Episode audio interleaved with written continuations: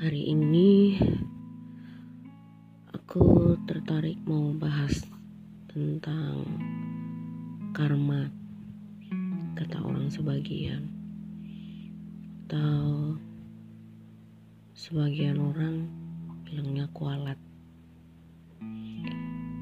Atau orang-orang lain bilang hukum tabur tuhai apa yang kamu tabur yaitu yang kamu tuai uh, itu adalah istilah yang diciptakan oleh masing-masing orang menurut kepercayaan mereka masing-masing.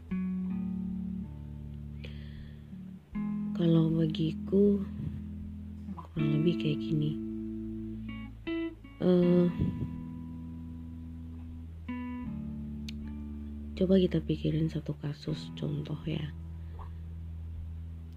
Misalnya nih aku. Aku tuh benci banget sama si A. Loh kenapa benci sama si A? Iya benci banget.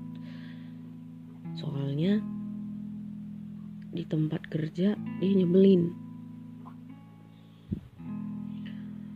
Uh, datangnya selalu telat uh, ngomongnya nggak bener.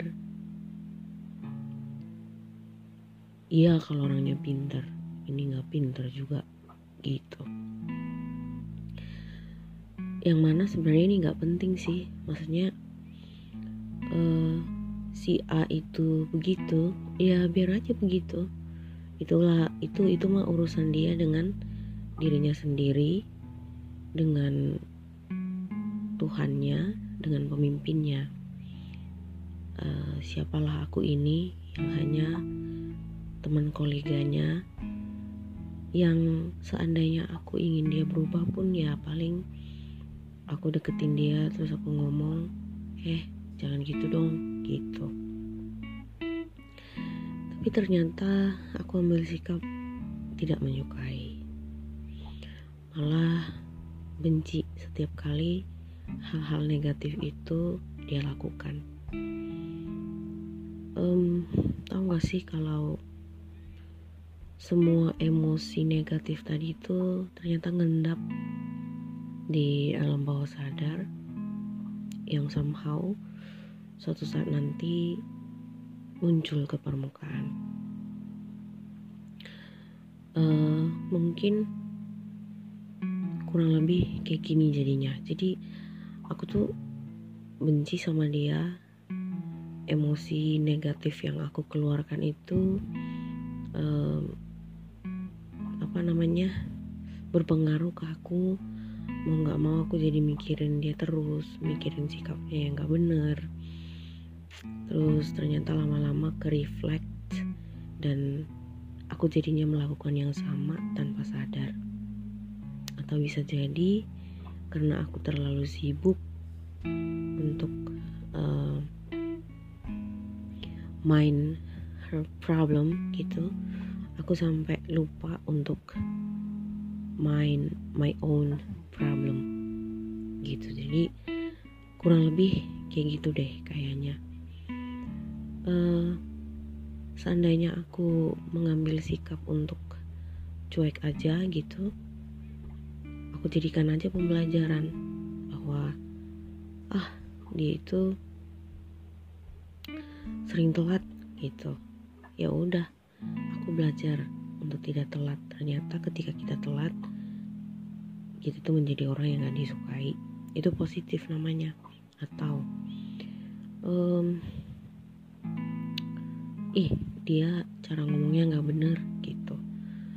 Um, instead of uh, hating her gitu karena omongannya nggak benar ya aku sebaiknya berhati-hati ketika bicara.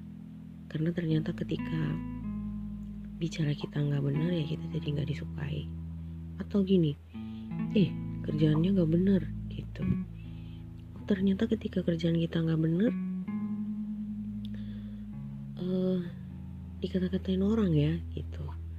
Nah kita jadi memperbaiki agar kerjaan kita jadi benar. Mungkin kurang lebih kayak gitu kali. Um, belakangan ini aku lagi sering merenung. Ada banyak hal yang terjadi. Um, yang tadinya apa segala sesuatunya baik-baik aja. Kok menjadi enggak baik gitu. Kok tadinya hubunganku dengan Siano baik kok menjadi buruk. Oh tadinya si ini ramah ke aku. Kok jadi nggak ramah lagi? Terus mulai mikir-mikir salah apa ya salah apa ya. Uh -uh, banyak salahnya. Gak usah disebut satu persatu. Tetapi apa yang mau ku angkat dalam hal ini adalah um, di dunia yang serba gadget ini hmm, ketika orang-orang sudah terbiasa dengan posting kemudian membaca postingan meskipun dia nggak tahu itu benar apa salah kemudian broadcast kemudian memviralkan sesuatu uh, sifat itu menular ke dunia nyata. Tidak hanya di dunia gadget. Jadi ketika contoh si Z ada masalah dengan si Y. Ingat loh Z ini hanya masalah dengan Y loh. Tidak lama kemudian si Z ini menjadi kayak dibenci oleh mulai dari A sampai Y. Gitu. Nah, mungkin si A B C D F G sampai Y kecuali Y ini nggak tahu ada masalah apa tetapi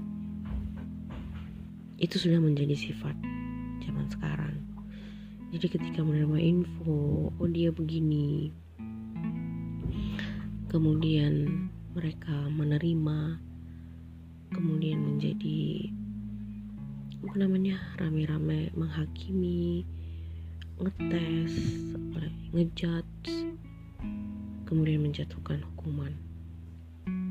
Padahal mereka nggak tahu ada apa dengan Sinsan ini. Yuk, jangan kayak gitu. Uh, ketika terima info, coba putuskan menjadi orang baik. Orang baik itu selalu berpikiran positif. Seandainya pun si Z ini benar-benar salah orang baik yang ber berpikiran positif selalu bisa mengerti bahwa manusia nggak sempurna. Dari dalam diri si Z ini uh, pasti ada banyak hal baik. Jadi ngapain kita harus benci dia? Hanya karena satu hal buruk. Kemudian yang kedua adalah di samping tadi berbuat begitu orang baik dan berpikiran positif pasti sifatnya membangun.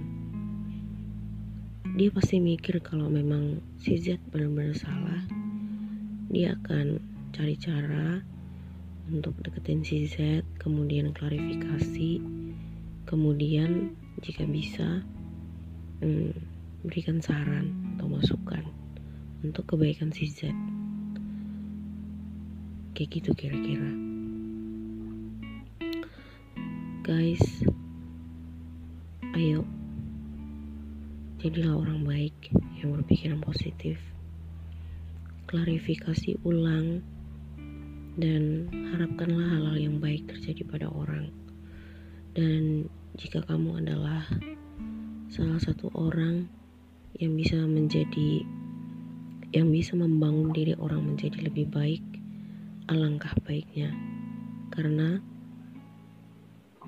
let's keep the negative thing if you do good good will come back to you. Salam lala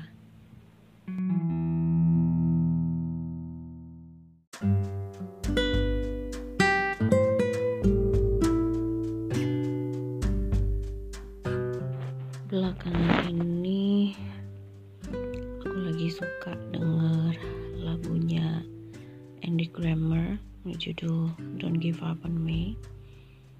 Hmm, pertama kalinya tahu lagu ini karena memang enak didengar terus artinya juga bagus.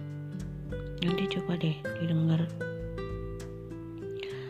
Uh, ketika mendengar lagu ini aku sih lebih kepada self talk kepada diriku sendiri. Uh, untuk bilang bahwa hey you I don't give up on you. So don't give up on me. Self talk uh, eh, self talk adalah salah satu cara untuk kita bisa mengenali diri kita lebih dalam, emosi-emosi kita, dan progres-progres apa yang udah terjadi dan perlu terjadi di dalam hidup kita. Nah, di dalam self talk ini kadang kita merefleksikan apa yang udah terjadi uh, menyikapi perasaan dan sudut pandang kita akan sesuatu yang terjadi dan apa langkah-langkah berikutnya agar sesuatu yang salah bisa diperbaikin yang sesuatu yang udah bagus bisa lebih bagus lagi? Gitu kira-kira. Jadi kayak self reflection gitu. Uh, belakangan ini aku kembali tersandung di dalam hal hubungan dengan orang lain. Guys, aku tuh benar-benar enggak bukan enggak sih benar-benar sulit di dalam membina hubungan dengan orang lain. Makanya di sepanjang hidupku aku tuh hanya memilih satu dua atau tiga orang untuk benar-benar deket dan memiliki kayak hmm, limitless relationship gitu. Uh, apakah nggak punya teman? Punya. Kalau di dalam ranah ranah-ranah sehari-hari gitu misalnya di tempat kerja rame tetap membina hubungan dengan orang lain. Tetapi hmm, let's say that it's not me gitu. Makanya at the end of the day ketika pulang ke rumah itu lelah.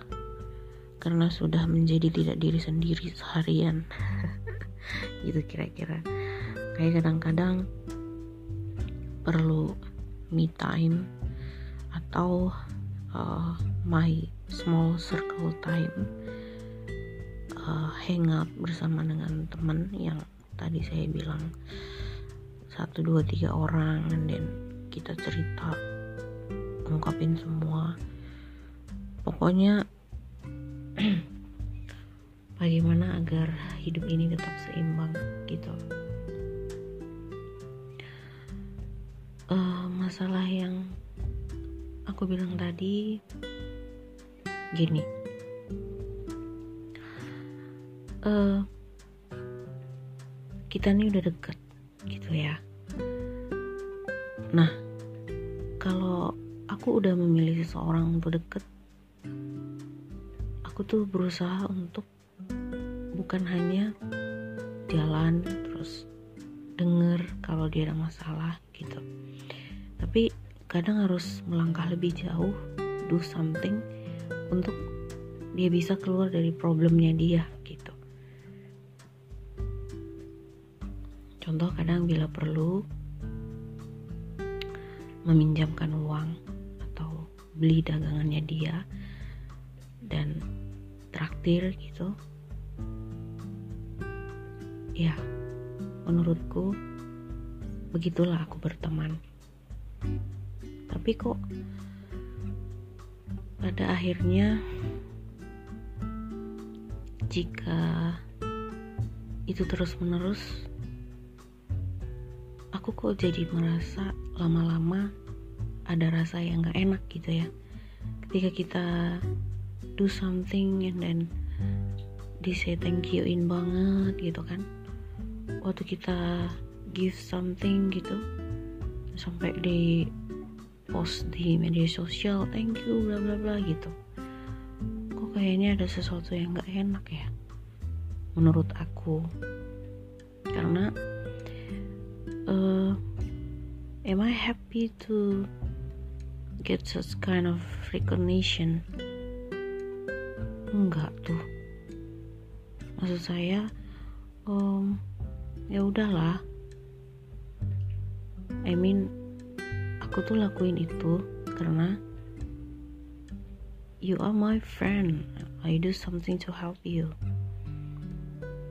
Nah dibalik dari aku menolong itu adalah aku berharap ada sesuatu hal yang progresif di dalam diri dia gitu.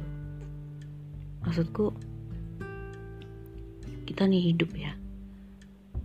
Nggak mungkin kan sampai selamanya kita itu menjadi kayak uh, akan terus begitu gitu loh. Masalahnya aku juga punya problem. Aku juga punya lingkaran keluarga yang perlu ditolong. Contoh nih artinya um, don't make me like that kind of tree with apa namanya ya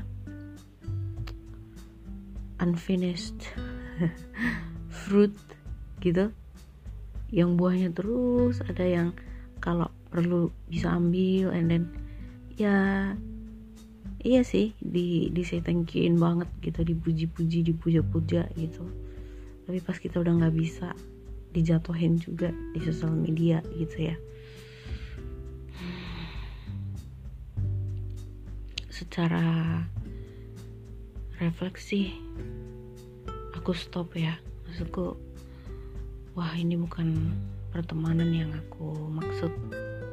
Aku stop aku berhenti uh, aku berhenti ini dengan satu harapan. Kiranya dia bisa melanjutkan hidup dengan benar gitu. Bukan berarti uh, kayak ada perasaan benci sana lu gitu. Bukan. Tapi ada harapan bahwa uh, yuk benahi hidupmu aku benahi hidupku gitu. Kita masing-masing punya uh, we each have something to handle in life. Uh, apa namanya? I can I will handle it myself and then uh, can you please grow up and handle it well now? I mean be progressive gitu. But in the process sedih ya sedih gitu. Wah lu memutuskan sebuah hubungan. And then I mean you cut tie with one close person with you. Di momen-momen itu ada saat kita bukan kita aku. Ada saat aku blaming myself. Kayak tuh kan kau itu sebenarnya bisa temenan gak sih sama orang? Gitu. Ya aku jawab bisa tapi bukan untuk dimanfaatin. Gitu. Terus ada lagi perasaan-perasaan lain yang menuduh kamu jahat ya kamu gini ya kamu gini ya di saat-saat seperti itu mulai tumbuh perasaan benci ke diri sendiri gitu.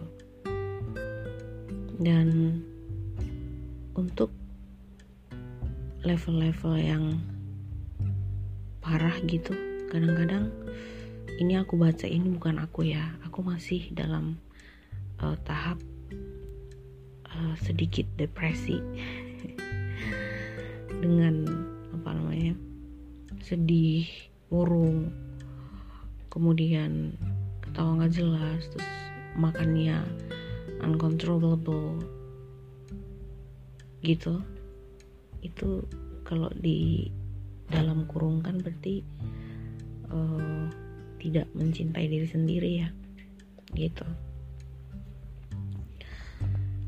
Uh, ini adalah rantai kejadian ini sering terjadi. Aku cuman bertumbuh untuk semakin mencintai diri sendiri. Kalau dulu aku tuh lebih sering untuk self destruction self blaming self pity terus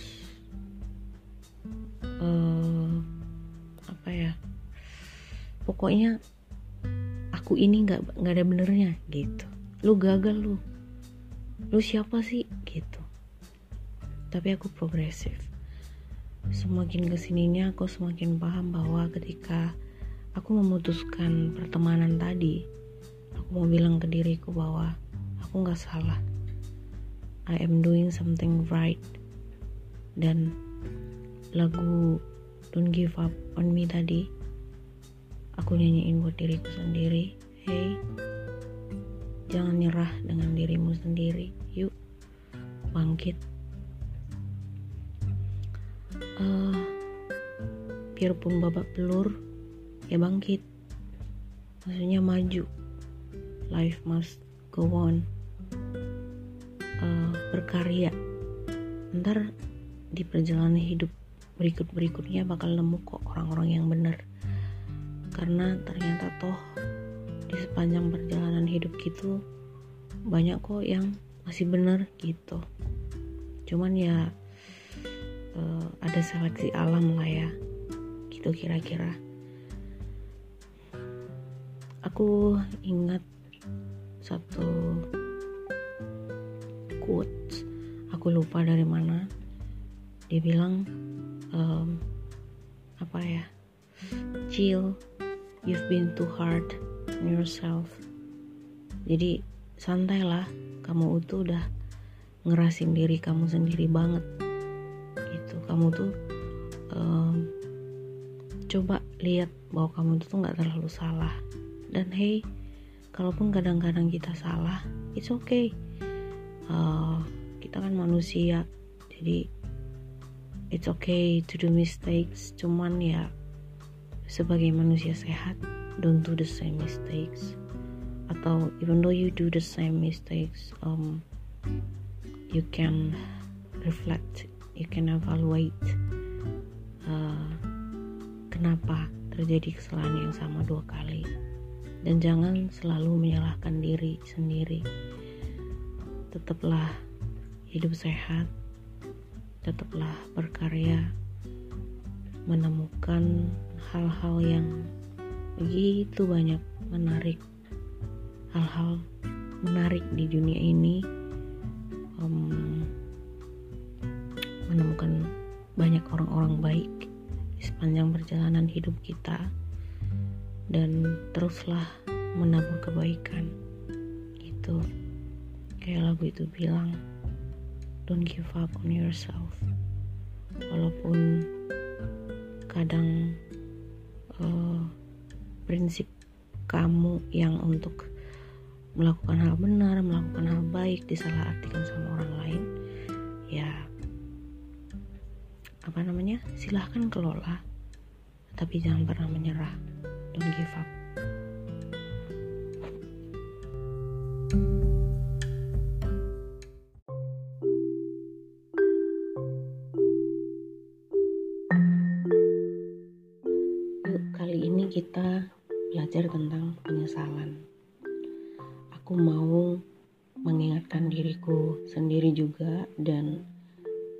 tahu uh, bermanfaat bagi yang mendengar. Um, di masa-masa sulit, kadang-kadang aku menerapkan bahwa aku tidak kenal dengan yang namanya menyesal gitu artinya I don't have time to regret gitu walaupun ada banyak hal yang bikin kita untuk menyesal gitu ya. Aku dapat uh, falsafah hidup ini dari seorang teman di masa lalu. Uh, kok kayaknya gampang banget ya gitu. Tapi kalau udah kenal dia dan cerita pengalaman hidupnya aku jadi paham uh, apa namanya makna dari falsafah itu. Jadi ceritanya aku sapa dulu hai teman di mana pun kamu berada kamu selalu diingat olehku. Cie. Jadi kami itu dulu ketemu dari Facebook waktu itu Instagram belum tenar ya atau udah tenar kali cuman aku yang nggak aku yang belum familiar ya waktu itu. Um, kami say hi gitu terus teleponan. Dari teleponan aku mengenal isi pikiran-pikirannya. Yang mana membuat aku jatuh cinta. Gitu dia sangat menurutku dia adalah orang yang jenius gitu. Uh, dia bisa naik gitu. Menapaki tangga-tangga hidupnya hingga pada saat itu dan dia bisa menerima segala sesuatu dengan tidak menyesal tapi mengambil hikmat dan pelajaran dari semua kejadian di dalam hidupnya itu tuh menurutku keren banget gitu. Um, aku kadang membandingkan dengan diriku kadang uh, apa I take too much time to think about the past gitu. Um, aku kan begini sekarang gara-gara dulu kayak gitu tuh gitu. Kan sering ya kita begitu. Uh, coba dulu kayak gini pasti sekarang bisa begini gitu. Nah ini orang nggak kayak gitu gitu. Jadi uh, menurut persepsi aku dia itu laki banget tapi ya ada negatifnya juga sih uh, cuman ya menurutku sih keren gitu dan itu yang membuat pada saat itu perbincangan kami menjadi panjang dan hubungan komunikasi kami menjadi lama. Hanya sekali ketemu, kemudian berakhir. Begitu, karena uh, sesuatu hal privacy ya. Jadi um, kawan ini udah melalui hidup yang menurutku di luar jangkauanku. Yang menurutku itu ada di drama di film gitu. Tapi dia udah udah alamin gitu. Tapi apa ya ya life must go on gitu dia harus tetap uh, berjalan ke depan. Pernah aku nanya gitu kamu nyesal nggak sih? Gitu. Nyesal nggak sih? Udah udah pernah melakukan ini itu. Udah pernah sia-siain waktu banyak banget. Dan udah pernah uh, mengorbankan diri sendiri dan lain sebagainya. Terus dia bilang maaf di kamus gue nggak ada kata menyesal gitu. Hmm, ya pada saat itu ya gue taunya begitu. Dan itu terjadi. Dan melalui kejadian-kejadian itu uh, aku akhirnya memperoleh pelajaran.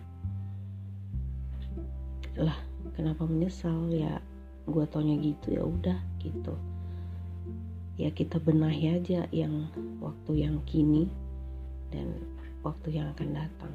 Yang lewat ya sudahlah lewat begitu. Hmm keren keren. Nah itu adalah salah satu pelajaran yang aku dapat dari dia.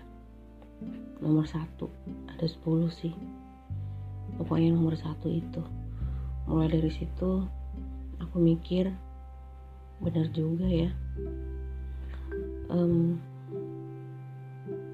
untuk orang yang sangat ceroboh seperti aku dan orang yang mudi lagi uh, kurang pertimbangan kadang-kadang impulsif gitu memutuskan sesuatu berdasarkan suka enggak kadang-kadang lupa hal-hal apa yang harus dipertimbangkan gitu. Banyak hal yang harus kusesali gitu. Uh, ketika aku evaluasi hidupku gitu uh, sering ada kata andai gitu. Andai aku dulu begini pasti sekarang udah begini. Padahal belum tentu ya. Siapa tahu dulu kalau aku begitu uh, udah beda lagi ceritanya. Pokoknya aku ambil kesimpulan bahwa nggak ada kata menyesal gitu. Walaupun eh, kadang-kadang uh, sangat tergoda untuk menyesal gitu. Tapi ya udahlah. Apa pikirkan aja. Apa yang harus kulakukan hari ini apa yang bisa kulakukan esok agar hasil yang aku inginkan tercapai gitu. Bukan bolak-balik memikirkan seandainya aku dulu begini pasti sekarang udah begini belum tentu juga gitu kan? Itu kan karena kita kadang berkaca kepada orang lain. Jadi contoh um, aku dulu dua sekawan sama si A. Waktu itu si A memutuskan untuk uh, sekolah di mana gitu. Dan uh, kami sama-sama sekolah and then gua putus sekolah di jalan dia lanjut terus akhirnya dia sukses berat gitu ya. Nah terus aku berandai-andai nih duh seandainya dulu aku nggak putus sekolah di tengah jalan pasti udah kayak dia belum tentu juga ya siapa tahu waktu dia terus lanjut sekolah itu tuh uh, dia melakukan banyak hal yang belum tentu aku lakukan yang membuat dia berhasil gitu. Jadi um, ketika udah tiba pada titik penyesalan dan membanding-bandingkan gitu coba telusuri uh, ke belakang gitu pelan-pelan apakah benar begitu atau enggak gitu. Dan cepet-cepet putusin gitu patahkan. Um, stop. Stop that gitu. Um, coba pikirkan apa yang harus dilakukan sekarang. Besok agar setahun dua tahun atau beberapa tahun ke depan aku sama sekali tidak pernah menyesal uh, tidak menyesal ini bukan berarti uh, karena aku tahu menyesal tidak berguna gitu ya beda ya definisinya. Aku nggak kenal tuh kata menyesal karena dalam kurung aku tahu nggak ada gunanya gitu. Kita ubah menjadi tidak ada penyesalan karena ya dalam kurung semua yang kita rencanakan uh, berjalan sesuai dengan harapan gitu. Nah jika tidak sesuai harapan aku ingat nasihat papa aku pernah bilang begini e, kalau kamu udah berjuang kamu udah lakukan A sampai Z ternyata tidak berhasil ya udah.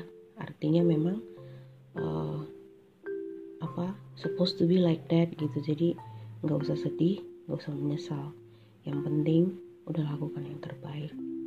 Gitu. Thank you.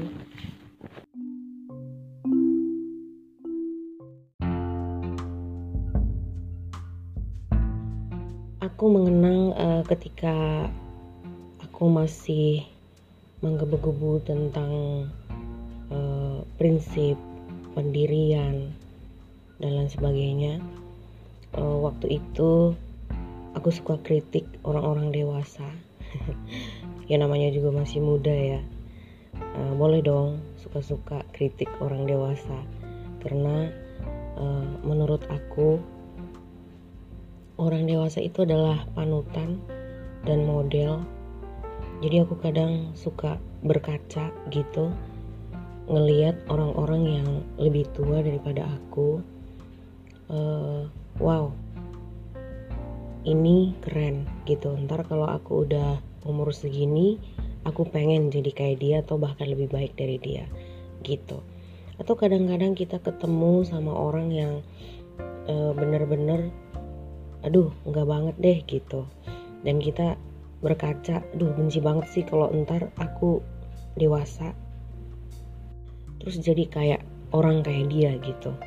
Nah um, ada satu sifat yang dulu aku benci banget. Kalau seseorang itu enggak konsisten dengan apa yang dia bilang gitu. Jadi contoh um, suatu ketika aku mendapati si A mengaku dan mengatakan bahwa dia enggak suka makan jeruk contoh ya. Aduh aku nggak suka banget makan jeruk gitu.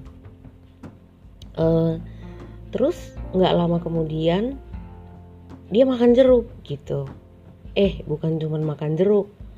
Dia justru bilang wah kok aku jadi suka jeruk? Gitu. Nah aku tuh uh, sangat uh, mengkritik orang-orang seperti ini gitu. It means that they do not true to their words gitu.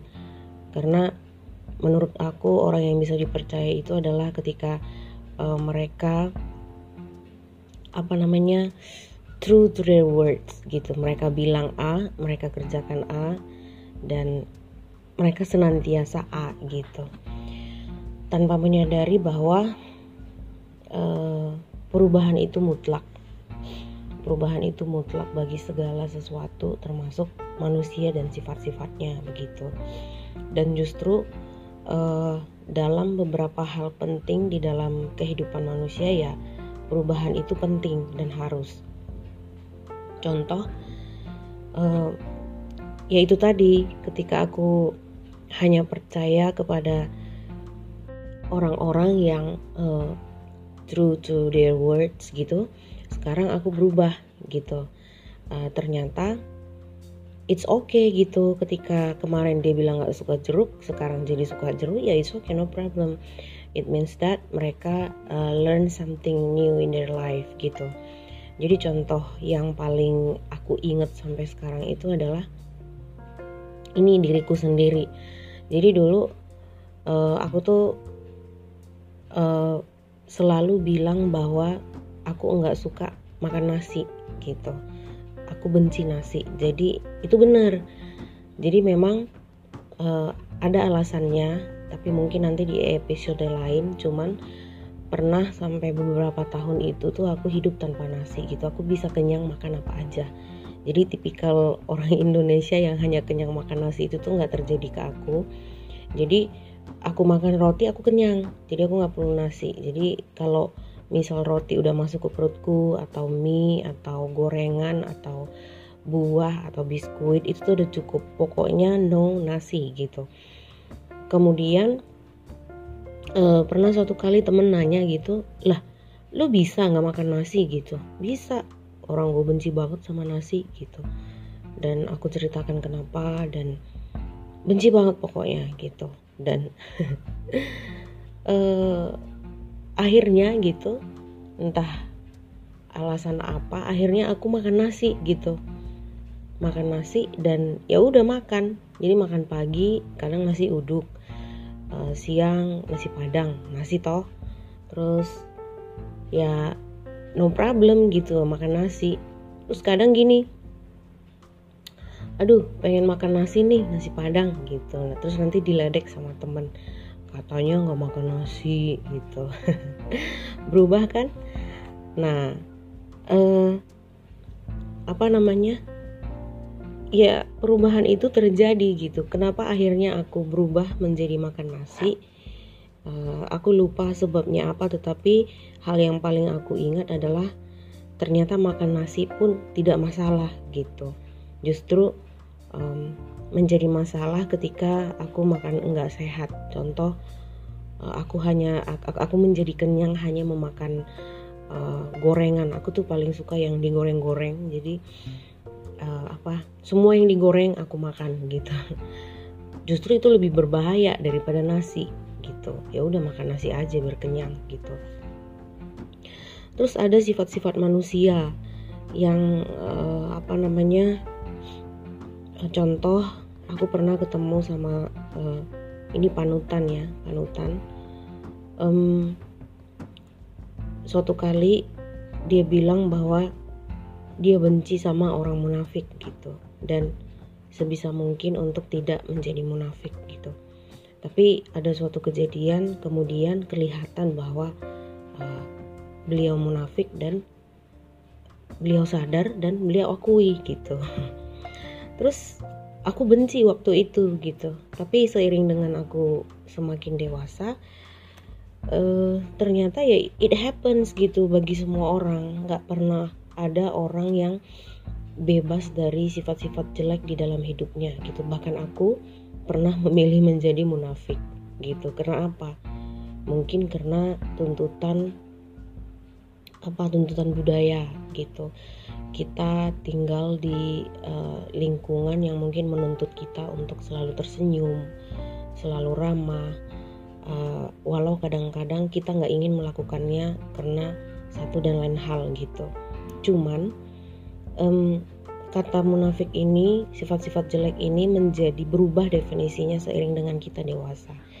Pada akhirnya aku tidak menyebut itu menjadi kata munafik gitu, tetapi Eh, menjadi sebuah kebiasaan atau budaya gitu ya apa salahnya sih meskipun aku eh, nggak uh, senang lihat seseorang tetapi aku tetap harus tersenyum sama orang ini menyapa orang ini dan bicara dengan baik-baik pada akhirnya definisi itu bukan munafik tetapi menjadi sebuah budaya yang baik ya apa salahnya gitu jadi uh, sekali lagi segala sesuatu berubah.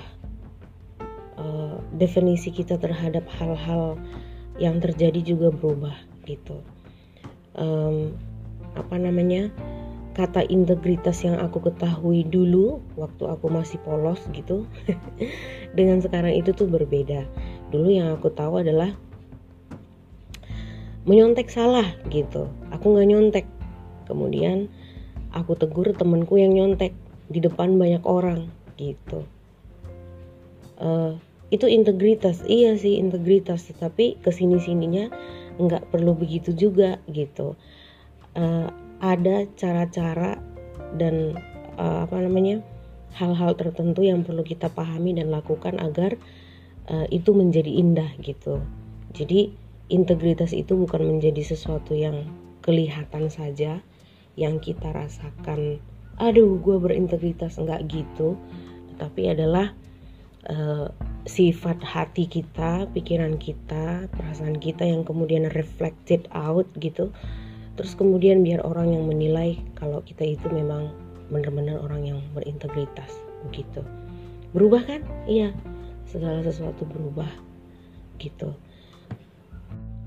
Nah, untuk orang-orang muda jangan tiru ya aku. Jangan terlalu kritikal. ntar kalau udah dewasa juga bakal paham kemudian ketika sudah paham jangan sampai nyesel gitu dalam beberapa uh, apa namanya waktu renungan gitu aku menyadari aku menyesal uh, dengan hal-hal yang sudah kulakukan kepada orang-orang yang lebih tua dari aku. Mereka mungkin tersakiti dengan perkataanku dengan sikapku dan dengan prinsipku yang pada waktu itu masih mentah gitu. Ya untuk anak-anak muda bolehlah uh, sedikit lebih apa ambil waktu sedikit lebih lama sebelum menyatakan sesuatu, menyatakan sikap dan sebisa mungkin tetaplah menjadi baik. Thank you.